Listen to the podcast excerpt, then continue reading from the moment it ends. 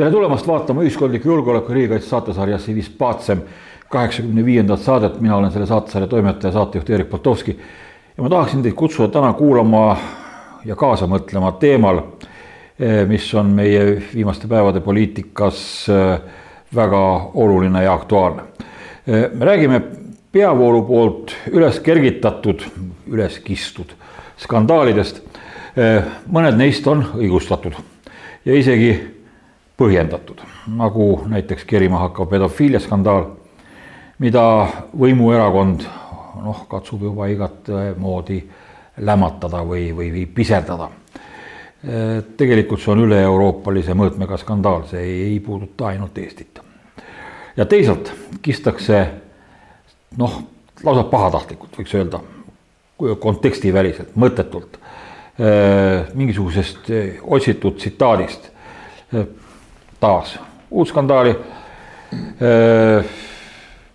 kusjuures esinejad võivad teinekord noh, võõrkeelt rääkides ju ka libastuda, eks ole, me kõik ei räägi, isegi kui me täiuslikult arvame ennast rääkivat võõrkeeli, siis me ei räägi täiuslikult, me ikkagi eksime, libastume.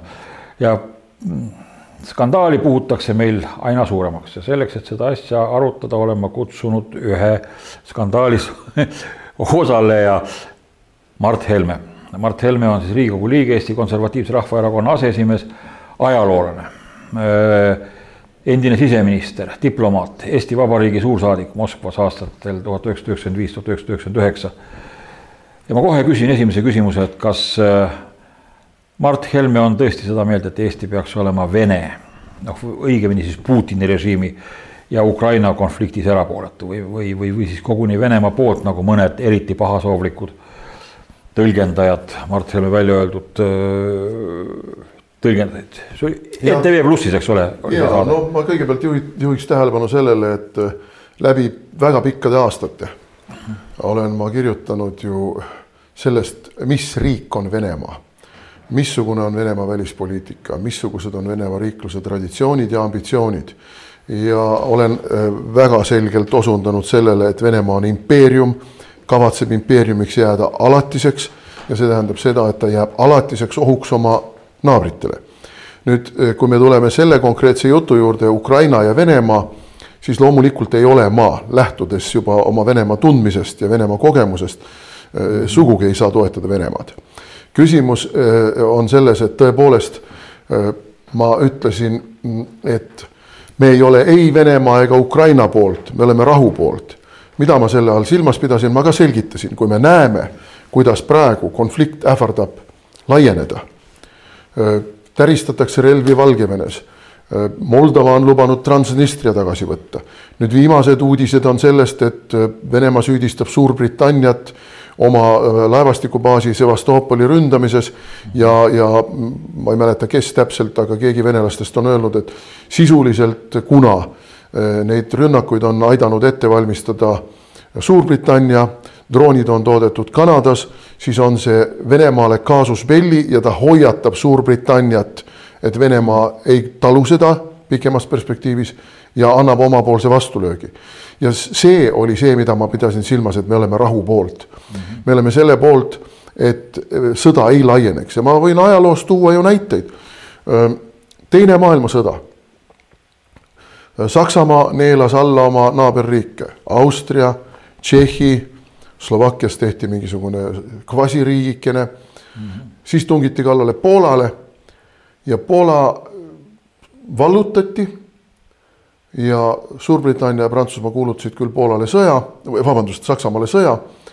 aga noh, inglise keeles öeldakse, oli selline veider sõda, phony war. sakslased ütlesid selle kohta Sitzkrieg mitte Blitzkrieg, vaid Sitzkrieg, kuna sisuliselt aktiivset lahingutegevust väga pika perioodi jooksul ei toimunud. kuni Hitler otsustas, et nüüd on aeg küps, et läbi Belgia, Hollandi tungida ka Prantsusmaale ja Prantsusmaa vist kuue nädalaga kuskilt purustati. ja, ja ongi näide sellest, kuidas sõda laienes.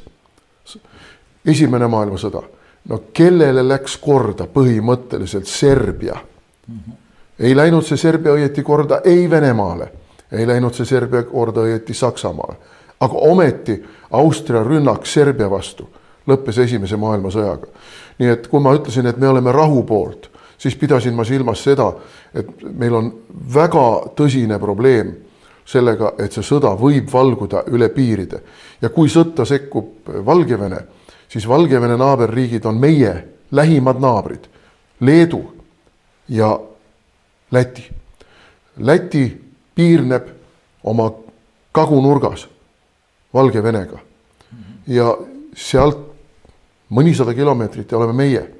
rääkimata sellest, et Venemaa on sealsamas kõrval. see on see, mida ma silmas pidasin, kui ma ütlesin, me oleme rahu poolt. me ei saa äh, kuidagigi lihtsalt äh, entusiastlikke loosungeid karjudes endale mitte aru anda sellest, et olukord on väga plahvatusohtlik. Ja ma toon veel ühe momendi asja juurde. kui mõlemal poolel, nii läänes kui äh, Venemaal räägitakse võimalikust tuumasõjast, siis see ei ole ju, see on ju naljast väga-väga kaugel juba, isegi see on ainult mingi räpane pomm ehk siis mingite tuumaosakestega tavapommi lõhkamine kusagil ja mingi radioaktiivse saastuse tekitamine piiratud maa-alal. Aga me näeme, et asi on palju tõsisem. ameeriklased ütlevad, et nad viivad oma tuumajõud kõrgendatud valmisolekusse, et nad toovad tuumarakette Euroopasse juurde venelased viivad läbi tuumakatsetusi või tuumaõppusi või mida nad siin teinud kõik on. et sellest seisukohast eh, me peaksime nagu vaatama pisut laiemalt kogu seda, kogu seda kujunevat pilti ja vastastikuseid ähvardusi ja, ja samm-sammult üha sügavamale eh, sohu minekut ja, ja ütlema, et oot-oot-oot, sõbrad, aga kui valmis me selleks kõigeks oleme? ja me ei ole ju selleks valmis mm. -hmm meil on siin kui palju kisa tehtud meie nii-öelda kodanikukaitse või elanikkonnakaitse teemal. ja mis siis välja tuli? ega ei olegi varjendeid vaja, piisab meil paneelmajade keldritest. no missugune varjend on paneelmaja kelder?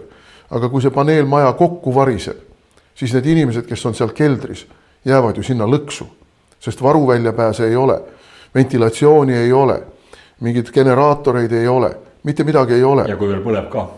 et see, see niisugune entusiastlik loosungitega loopimine, samal ajal sisuliselt mitte mingeid ettevalmistusi tehes.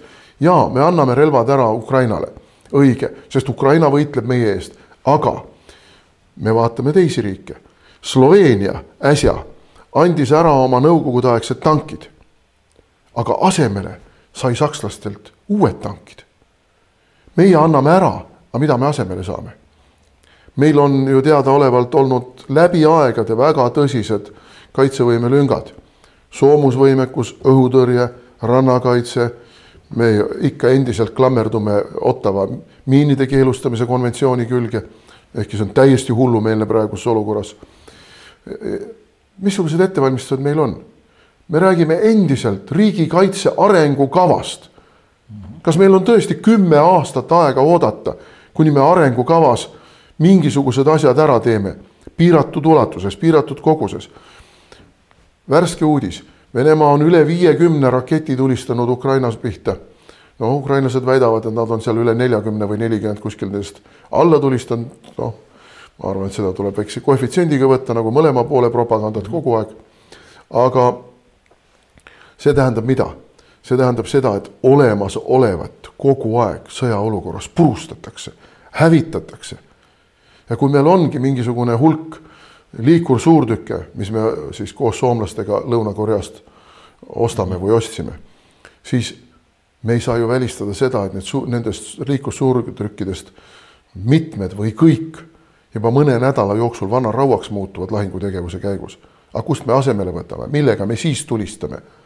paneme tühjadesse õõnsatesse puutüvedesse, ma ei tea, isetehtud püssirohtu ja, ja kivikamakaid või? no Karl kaheteistkümnes läks Poltava lahingusse niimoodi, et kuna Lesnaja lahingus äh, pool aastat varem äh, moonavoor, mis pidi talle Ukrainasse jõudma, äh, venelaste poolt vallutati ja, ja ta jäi varustusest ilma, siis Poltava lahingusse minnes need mõned suurtükid, mis rootslastel olid Äh, nende, nendest tulistamiseks kasutati kive ja, ja raipeid ja klaasipudeleid ja, ja, ja muud seesugust. noh, see ei ole ju tõsine asi. ja, ja, ja sama on meil. ja nüüd me siis räägime õhutõrjest. noh, võtame kalli ja meile mittevajaliku õhutõrje. Õhutõrje, mis liiga sügavale Venemaa territooriumile on võimeline tulistama, selle asemel me, meil ei ole vaja Kesk-Venemaal alla lasta lennukeid.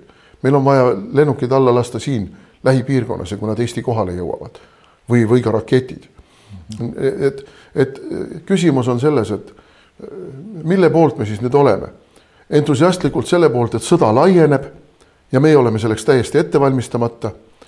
või et me püüame nagu mõistuse häält koju kutsuda ja püüame ka oma suurtele ja tõelistelt, tõeliselt mõjukatele liitlastele märku anda, et me ei ole sõjaks valmis ja me ei taha, et meid laieneva konflikti puhul ettevalmistatult, mitte ettevalmistatult sõtta kistakse. see on kogu selle asja sisu Äh, Mart Helme, selleks, et noh, peavoolumeedia saaks äh, või kes iganes saaksid nüüd rebida välja ühe tsitaadi. Ma küsin täiesti otseselt hästi lühikese vastuse, et äh, palun, et milline seisukoht on Eesti Konservatiivse Rahvaerakonnal Ukraina sõja suhtes? meie seisukoht on ju väga selgelt avaldunud. me oleme kõikidele deklaratsioonidele, mis Riigikogust Ukraina toetuseks on tehtud kogu fraktsiooniga toetust avaldanud. ja noh, siin jällegi pseudoskandaalikene, et osa meie liikmetest ei andnud allkirja viimasele deklaratsioonile. aga vabandust, ma enne selle deklaratsiooni menetlusse andmist isegi ei näinud seda. ma ei saanudki sellele allkirja anda. aga ma hääletasin selle poolt hääletamine loeb, mitte see, kas seal on allkiri all. see on ju tavapärane, et Riigikogus mm -hmm. lähevad töösse mm, eelnõud millele on alla kirjutanud ainult teatud hulk Riigikogu liikmeid. Meie fraktsiooni liikmed, kusjuures osa kirjutasid sinna alla. nii et ei saa süüdistada seda, et meie fraktsioon kuidagi ignoreeris. kes said lugeda seda, eks ole? Need, kellele see jõudis, aga seda tehti kuidagi nii ülejala ja kiirustades, et noh, paljudeni see ei jõudnud.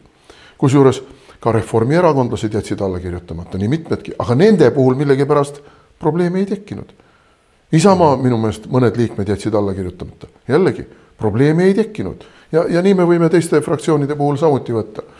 et see, et keegi jättis kuskile allkirja andmata, ei tähenda mitte midagi. hääletamine näitas seda, et me toetame, see on esimene asi. nüüd teine asi on see, et me oleme kogu aeg seda toetust avaldanud ja meil on isegi erakonna liikmete poolt loodud MTÜ Ukraina abistamiseks ja alles hiljaaegu läks terve bussitäis kaupa sinna meie poolt kogu, mhm. kogutud, ma, ma, ma täpselt ei ütle, mis seal oli, no põhimõtteliselt humanitaarkraam. Mhm. ja me oleme tõstatanud ka muide väga tõsise küsimuse. miks praegune Eesti Vabariigi valitsus äh, talub seda, et Eesti on saanud äh, mobilisatsiooni eest, sõja eest, ükskõik mille eest, põgenenud kutseealistele meestele varjupaigaks miks me võtame vastu mehi, eriti kui nad tulevad läbi Venemaa, kes tegelikult peaksid Ukrainas oma riigi eest sõdima. miks me ei ole sõlminud Ukraina valitsusega kokkulepet, et need, kes kuuluvad kutse alla, lähevad Ukrainasse ja lähevad rindele ja võitlevad seal, mitte ei ole siin meie juures ja noh, ma ei tea, kasutatavad odava tööjõuna näiteks. et see on väga tõsine küsimus ja selle küsimuse me oleme tõstatanud, täpselt nagu me oleme tõstatanud selle küsimuse, miks me võtame Venemaalt siia saabuvaid inimesi, kes väidetavalt on Ukraina kodanikud, aga kellede puhul me ei saa sugugi kindlad olla, et neile pole nende Ukraina passi välja andnud venelased. ja kes tegelikult tulevad siia tuhandete ja tuhandetena moodustama viiendat kolonni, mis mingisuguse momentumi tekkides aitab Eestis alustada hübriidsõda ja Eesti mm -hmm. Venemaal üle võtta niimoodi, et me sisuliselt isegi ei suuda vastupanu osutada, sest meil tagala põleb. et need on väga tõsised küsimused, seetõttu meie erakonna seisukoht on täiesti ühemõtteline. loomulikult Ukraina poolt, aga loomulikult mitte loosunglikult Ukraina poolt, vaid nii Ukraina poolt, et ka Eesti julgeolek ja püsimajäämine ei oleks kahjustatud mm. -hmm. kas selline pahatahtlikkus, noh need, see, et, et meie, ütleme siis poliitilised vastased, konservatiivid ja poliitilised vastased kraksuvad ja hauguvad, noh, see on tavaline, see käib poliitilise mängu juurde. samas Eesti nõndanimetatud vaba meedia on ju tegelikult sisuliselt kaldu. Nad, nad, nad korjavad kõik need, need haukumised ja kraaksumised, kraaksumised üles ja publitseerivad neid, kas see on hirm valimistulemuste pärast või, või, või noh, mis? no küllap siin on ühte, teist ja kolmandat, esiteks muidugi me näeme ka seda, kuidas kogu lääne, läänemaailmas niinimetatud vaba ajakirjandus on üha, üha selgemalt teatud ideoloogiateenistusse ja propagandateenistusse rakendatud ja, ja mida see, kõike seda vaba meediat manipuleerivad lääneriikide eriteenistused, kes on mehitanud need toimetused oma mõttekaaslastega või oma kinni makstud või šantažeeritud agentuuriga. see on üks asi, aga kui me nüüd Eestit konkreetselt vaatame, siis Eestis ei ole sõltumatut meediat. Postimehe grupp kuulub väga selgelt paarile Eesti oligarhile ma ei hakka nimesid nimetama, et, et mitte eh, provotseerida siin võimalikke kohtuasju. Aga noh, kes vaatab, kes on omanikud, see saab aru, mida ma silmas pean. ja, ja need oligarhid on ju väga selgelt eh, teatud poliitiliste jõudude soosijad, rahastajad, eh, ka nii-öelda taustatoe tegijad igasuguste küsitluste, igasuguste uuringute näol, igasuguste ürituste korraldamise ja rahastamise näol. ja teiselt poolt on üks teine meediagrupp, mis on Ekspress Grupp, mille, mis samuti kuulub teatud oligarhia tunnustega seltskonnale või inimesele, kes on pigem sellise vasakliberaalse agenda toetaja, nii et noh, meil on noh, selgelt näha, et kaks domineerivat meediagruppi, üks on paremliberaalne ja teine on vasakliberaalne kuuluvad Eestis äh, oligarhidele ja, ja teevad oma vasakliberaalset või paremliberaalset propagandat. ja kuna meie ei ole äh, selle peavoolu paremliberaalse või ka peavoolu vasakliberaalse äh, seltskonna jaoks vastuvõetavaid, vaid ajame täiesti selgelt sõltumatut eestimeelset poliitikat, siis oleme nende kahe leeri vahel, me sisuliselt peame sõda kahel rindel.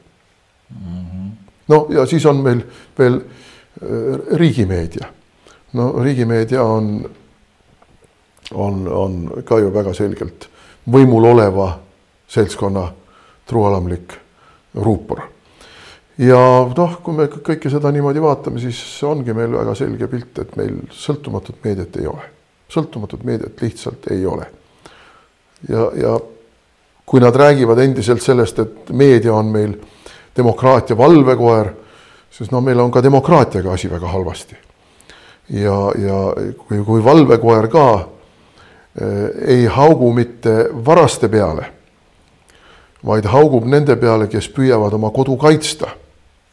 ühesõnaga noh, kujutame ette, et eh, mul on kaks kurja valvekoera, kes ühel hetkel eh, ei haugu mitte nende peale, kes tahavad minu kodu üle võtta vaid hakkavad haukuma minu ja minu pereliikmete peale.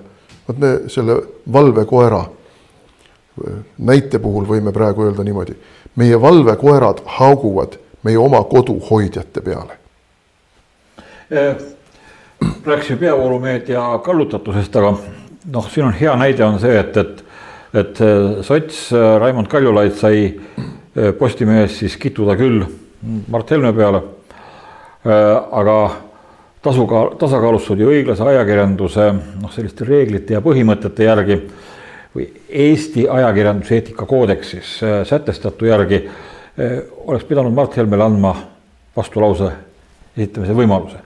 kas samas kohe selle artikliga koos või vähemalt järgmises numbris, seda ei tehtud. Äh, samas meil on Eestis suur, võiks öelda, pedofiilia skandaal mida nõndanimetatud vaba ajakirjandus hakkas kohe vabandava tooniga näm-, lämmatama ja noh, niisuguste mämmutava tooniga õigustama. Otsiti, otsiti igasuguseid vabandusi ja, ja publitseeriti siis ka asjaosalise erakonna, kuhu siis pedofiiliaskandaali peategelane kuulub. selle erakonna igasuguseid täiesti noh, napakaid vabandusi, siin tuleb aga välja, et, et, et tegelikult on moodustunud Eestis lausa maffialaadne struktuur selliste võimulolijate äh,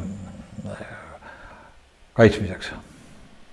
jah, no kui nüüd minu teemal rääkida edasi natukene, siis ma tuletaks muidugi meelde, et praegune valitsus on teinud ka ju mõlemale suurele meediagrupile, nii Postimehe grupile kui Ekspress Grupile väga tõsise finantstoetuse, miljonitesse ulatuva finantstoetuse kumbagi. et noh, see on ka minu meelest äärmiselt kõnekas. et vastulausetest mulle ei ole kunagi pakutud mingit vastulauset nende peavoolumeedia väljaannete poolt. küll helistavad, kui mingisugust skandaalikest infooperatsiooni jälle tegema hakatakse nende väljaannete ajakirjanikud, kes tahavad minult mingit selgitust, kommentaari, millest nad võtavad mingisuguse mõne lause Mm -hmm. mille nad pealkirjastavad sisuliselt minu jutule vastupidiselt või minu jutuga päris mitte kooskõlas olevana. Et, et süvendada muljet nagu noh, ma oleks ka ise tunnistanud üles, et ma ikka olen kaamel ja joon igal hommikul konjakit ja küürud on mul ka kõik konjakid täis, et kui ma käin ringis, ma kogu aeg taarun ja tuigerdan. et noh, see, see, selline on see meie, meie meediatase. nüüd tegelikult on meil üks skandaal veel ja see äh, sulatub kõigesse sellesse suurepäraselt, see on Keit Pentus-Rosimannuse kontrollikoja määramise skandaal. Äh, ja siin me jõuame ikkagi meie õiguskaitseorganite kallutatuseni. Äh, no kuriteoteade, mille ma tegin oli väga põhjalik ja osundas väga selgelt sellele, et Keit Pentus-Rosimannus koos, koostöös, kokkuleppel Kaja Kallasega ja võib-olla ka sotside esindajatega määras iseennast kõrgepalgalisele töökohale. kõrgepalgalisele töökohale, kus ta hakkab saama kuskil ligi kakskümmend viis tuhat eurot kuus, pluss igasugused muud boonused, koduigatsustasud, ma ei tea, mis seal kõik võivad olla, ma ei ole süvenenud pluss, kui ta lõpetab viieaastase perioodi, siis seda on võimalik pikendada veel viieks aastaks, kui Reformierakond näiteks ikka endiselt võimul on. pluss, kui ka see periood otsa saab, siis makstakse talle kusagil umbes poole äh, aja, ütleme kahe ja poole aasta ulatuses veel umbes poolt seda tema kuutasust. et see on ju jumal hoidku, kuldne leping ja, ja teha selle juures nägu, et ei, teda raha ei huvita ja teda, tema pole ise selle nimel midagi vaeva näinud ega teinud. no see, on ju, see on ju selge valetamine, mis on kuriteoteates ka väga üksikasjaliselt ära näidatud, aga ei, ei algatata. samal ajal Gert Kingo, valesse erakonda kuuluv inimene, kes aitas mõnedel inimestel tasuda õigusabikulusid ja me kõik teame, et Eesti tavakodanikule õigusabikulud käivad üldreeglina üle jõu. juba ainuüksi advokaaditund on praegu juba kusagil seal, ma ei tea, paarisaja euro ringis. hästi, tunni ajaga ei tee ükski advokaat teile kuriteoteadet, ei kaitse teid kohtus ja nii edasi ja nii edasi. see tähendab tuhandetesse eurodesse ulatuvaid kulusid. ja Gert Kingo aitas mõnedel inimestel neid kulusid kanda kokku kusagil umbes kuue tuhande euro ulatuses kahe inimese puhul ja mõtleks, ta on nüüd kriminaal. teda uuritakse, teda süüdistatakse, teda süüdistatakse isikliku kasu saamises. missuguse isikliku kasu saamises? ja siin on prokuratuur meil printsipiaalne printsipiaalne, põhimõtteline, mõtle, missugune kuritegu on korda saadud. nii nagu Marti Kuusiku, Kersti Krahti puhul, nii nagu ka tuntud Estonia juhi Aivar Mäe puhul. no ja Tartu Raamatukogu juhi Martin Halliku puhul mm. -hmm. kogu meedia ja no minu juurde veel tagasi tulles, kõik võtsid sõna, kõik võtsid sõna, kõikide erakondade esindajad võtsid sõna ja mõistsid hukka ja, ja ajakirjandus mõistis hukka ja igasugused tegelased tormasid kohe, kohe poliitilist profiiti lõikama. no tegelikult ei lõika poliitilist profiiti, sest valel on lühikesed jalad ja ma arvan, et see vale on praegu välja tulnud.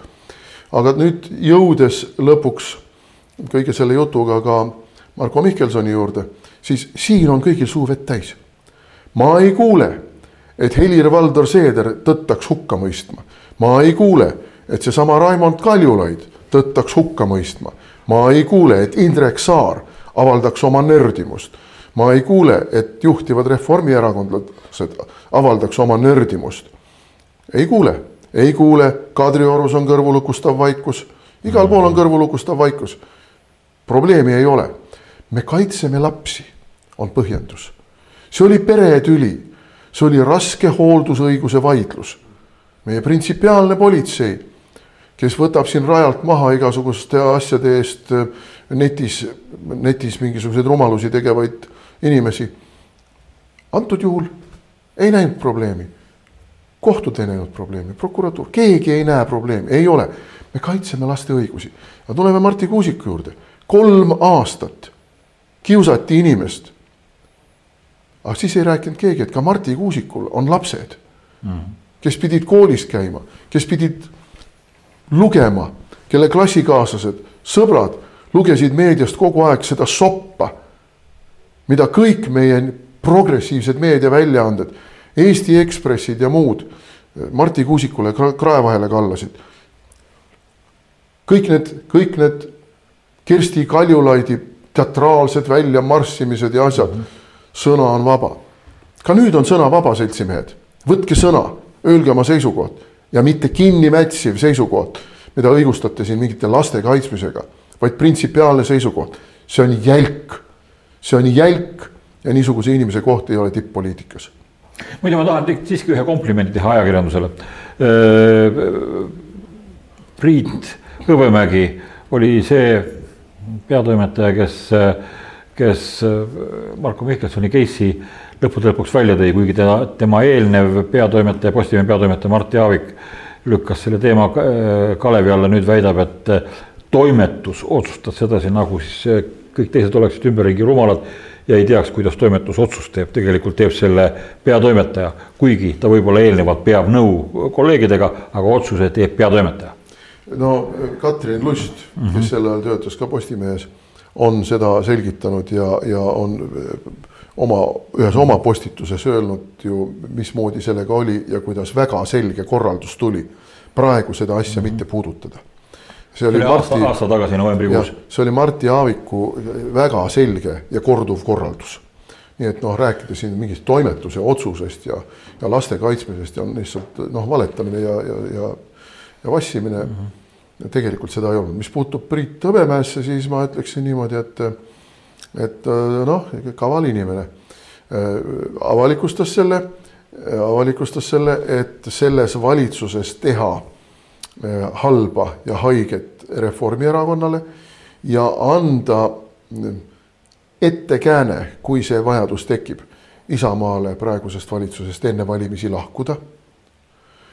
aga põhjendus on tal, Marko Mihkelson oma pedofiilsete öö, fotodega on julgeolekuoht, on šantažeeritav, on värvatav. see on udu, see on udujutt. sest kui, kas keegi tõesti arvab, et meil, meie julgeolekuorganid ei teadnud seda kõike, loomulikult teadsid. kas, kui, kui Kaja Kallas ütleb, et ka, ta ka teadis, ta ka teadis aga vaikis, vaikis, aitas kaasa kinnimätsimisele. loomulikult meie julgeolekuorganid teadsid seda ja olid kursis ka kõikide nende julgeolekuohtudega ja kasutasid šantažeeritavat inimest ära oma huvides. mis selgitab ka seda, miks Marko Mihkelson käis Moskva vahet edasi mm. -hmm. sealhulgas väga kriitilistel hetkedel vahetult enne Krimmi annekteerimist, vahetult enne kahekümne neljanda veebruari täiemahulise sõja alustamist Ukrainas, käis, kohtus Duumas, kellega veel kohtus, ei tea, mis sõnumeid edasi andis, ei tea. ta oli üheksakümnendatel aastatel Postimehe Moskva korrespondent. ta oli sel ajal, kui mina olin, olin Moskvas suursaadik, oli Postimehe korrespondent, jah. kas tal võis olla Moskvas sel ajal mingisugune lugu, millega nii-öelda FSB sai tema näpud sahtli vahele lükata. Äh, Margo Mihkelson täiesti kummalisel viisil sai loa külastada Tšetšeeniat olukorras, kus sinna tegelikult kedagi ei lastud. Vene vägede poole peal? Äh, no Vene poole pealt jah, loomulikult. sellepärast, et ma tean, et äh, Eestist läksid ajakirjanikud, näiteks selline mees nagu Toomas Kümmel koos oma kahe kaaslasega läksid väga keerulisi teid pidi, väga riskantseid teid pidi, läksid tšetšeenide poole peal. selleks polnud vaja loomulikult mitte mingisugust äh, luba, eks ole. aga kui Mihkelson käis Vene poole peal, siis see on juba iseenesest väga suur. ma ei ole nii hästi üksikasjadega kursis, ma ei taha siin võtta kategoorilist seisukohta, minu mälu järgi sõitis tema Moskvast Tšetšeeniasse, kus ta täpselt käis, kellega ta kohtus, minu meelest ta kirjutas mingeid lugusid ka sellest. Küllap tal seal mingeid kohtumisi oli, aga noh, tundes piisavalt hästi Venemaad, võin ma öelda, et ilma FSB, ilma GRU loata sinna kedagi ei lastud. -hmm. sinna kedagi ei lastud, nii et noh, las ta selgitab ise seda täpselt ja kui, kui need süüdistused ei pea paika, lükkab need ümber mm. -hmm. mis seal ikka, aga ma olen algusest peale seda külaskäiku pidanud väga kahtlaseks poliitiliste vastaste viha on nii suur, et nad ei märka isegi seda, kui nad, kui nad noh, piltlikult öeldes Äh, enda poolt välja sülitatud tatilärakaga, et tuul neile näkku tagasi toob. või nad, või nad sülitavad ikkagi hoolimata sellest, nad teavad, et tuul näkku puhub. et äh, siin on väga kummaline ja, ja naeruväärne juhtum Siim Kallase süüdistusega EKRE klannistumises või tähendab, just oli konkreetselt oli, oli süüdistus just nimelt äh, Mart Helme ja Martin Helme vastu ja Monika, Helle-Moonika Helme vastu, et, et te olete nagu üks perekond. samas kui isegi Andrus Ansip on äh, selle vastu sõna võtnud, et mäletame ja mäletame ka seda veel, kuidas, kuidas Jürgen Ligi äh, plõksutas eetris, tele, ETV eetris silmi või ta plõksutas seal hoopis äh, suud. kui, kui Siim Kallas hakkas push ima oma tütrekest poliitikasse.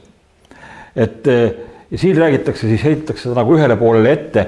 noh, me mäletame ühte või paari klanni veel, noh, Edgar Savisaar ja Vilja Savisaar, eks ole, ja, ja, ja.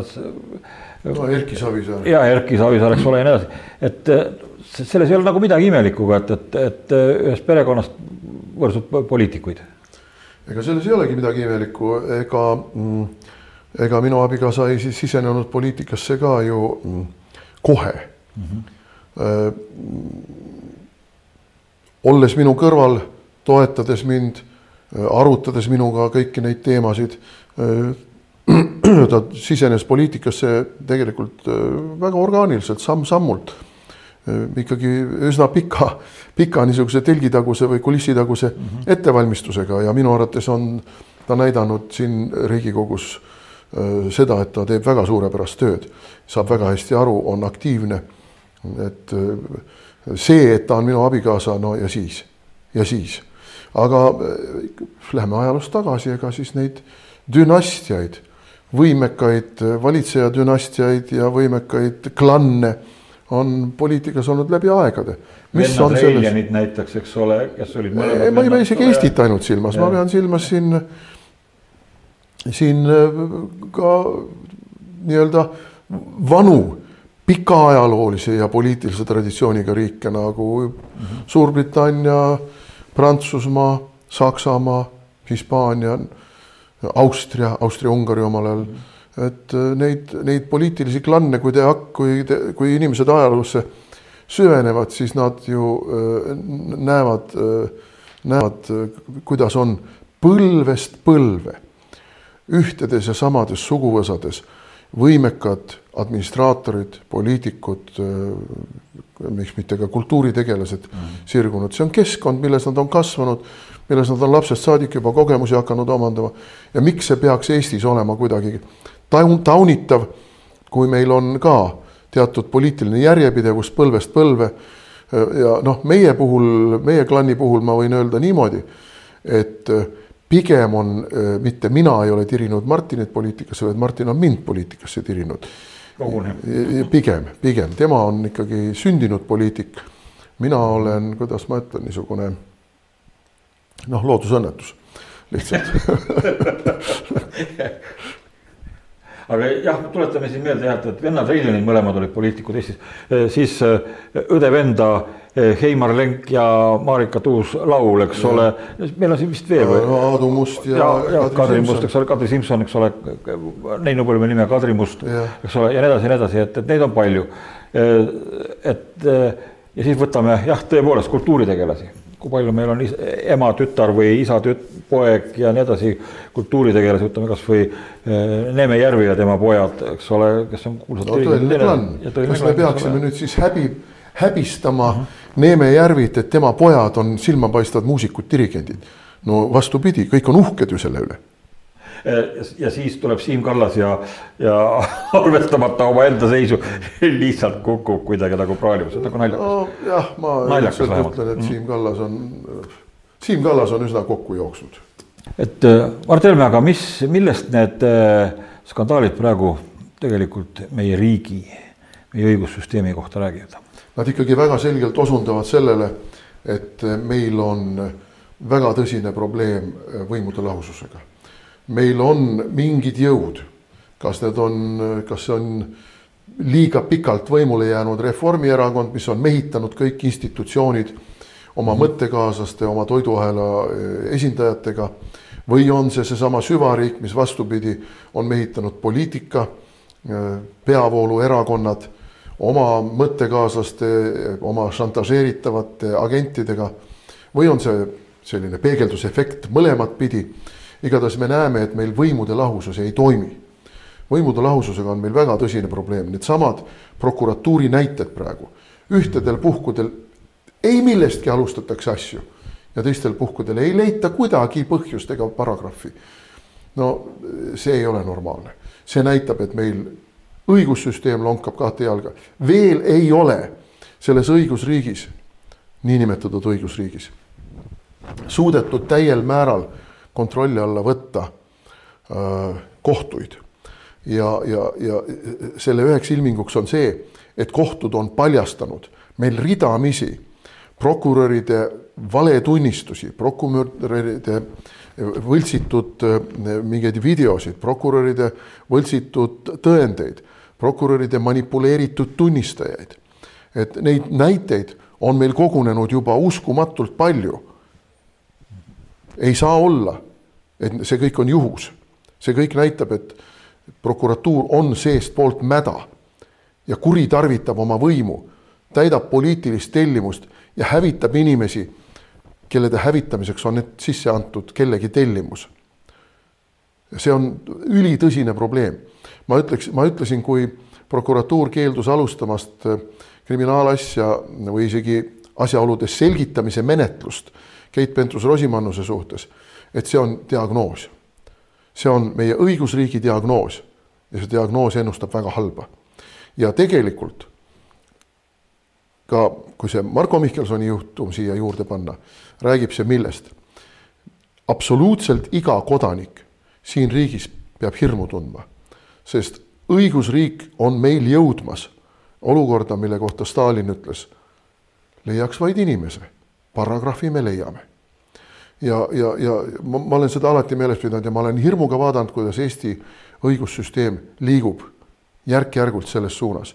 Rääkimata sellest, et tavakodanikule lihtsalt on üle jõu käiv, nagu me juba rääkisime, e, e, õigusabi saamine, enda kaitsmine, enda esindamine. paljudel puhkudel tavakodanike kaebusi ei võeta üldse kasutuselegi ja siis võtame meil on olemas niisugune institutsioon nagu lastekaitse ombudsman. kus on lastekaitse ombudsman praegu Marko Mihkelsoni kaasuses? kus on meie õiguskantsler? kus on, kus on Ülle Madise? suu on vett täis. nii Keit Pentus-Rosimannuse kaasuses kui Marko Mihkelsoni kaasuses. ei ole, me ei kuule ega näe. küll on tal aga väga tõsine mure, kui on laste kooliranits pool kilo raskem, kui peaks olema. ma ei ütle, et sellele ei tule tähelepanu juhtida, kindlasti tuleb. aga see ei ole asi, mis, mis Eesti riigi seaduspärast, põhiseaduspärast toimimist takistab. kus on meie kaitsepolitsei, mis väga selgelt, nende otsene tööülesanne on võitlus korruptsiooniga, mis praegu peaks võtma sellesama Rosimannuse juhtumi ja ütleme, et oot-oot-oot-oot, teeme nüüd ikkagi lõpuni selgeks, kas siin on korruptsioon või ei ole korruptsiooni. alustame uurimist. ei, vaikus, mitte midagi. meie õigusriigiga on asi väga halvasti ja siit me võime tulla ka päris saate algusesse ja rääkida julgeolekust. meil ei ole toimivat tsiviilkontrolli ei kaitseväe juhataja üle, ei eriteenistuste üle, ei prokuratuuri üle.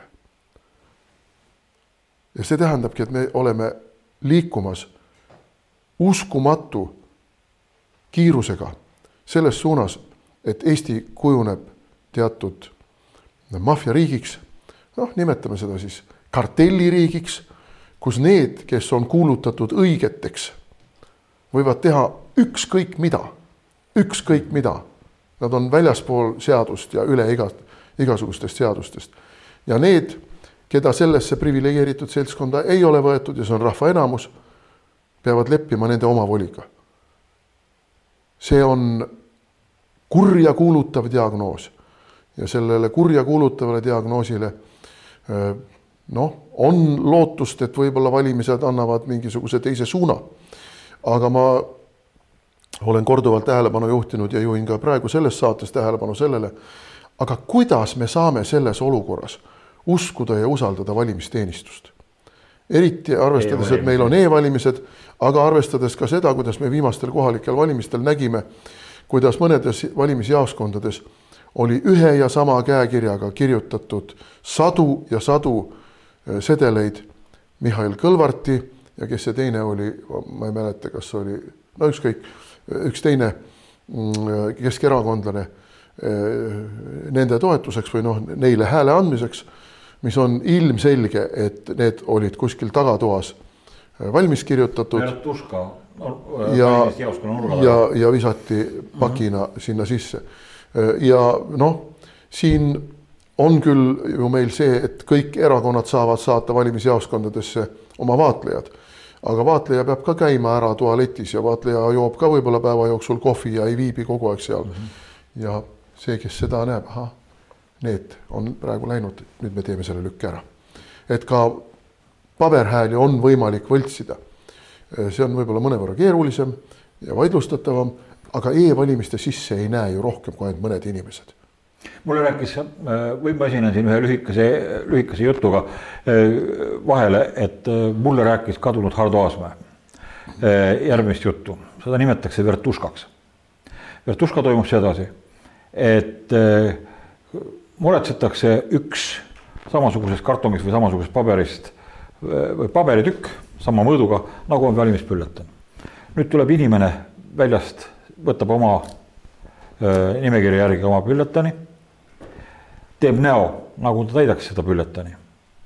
tegelikult ta täida, läheb, lükkab kasti selle valge paberi või siis oskab üleüldse kuidagi nihverdada, teeb näo, et ta seal jääb kellegagi vestlema ja noh, vaatlejad unustavad selle asja ära ja ta läheb uks õue välja koos täitmata bülletaniga. nüüd see bülletan antakse vastava erakonna, siis huvitud erakonna kätte.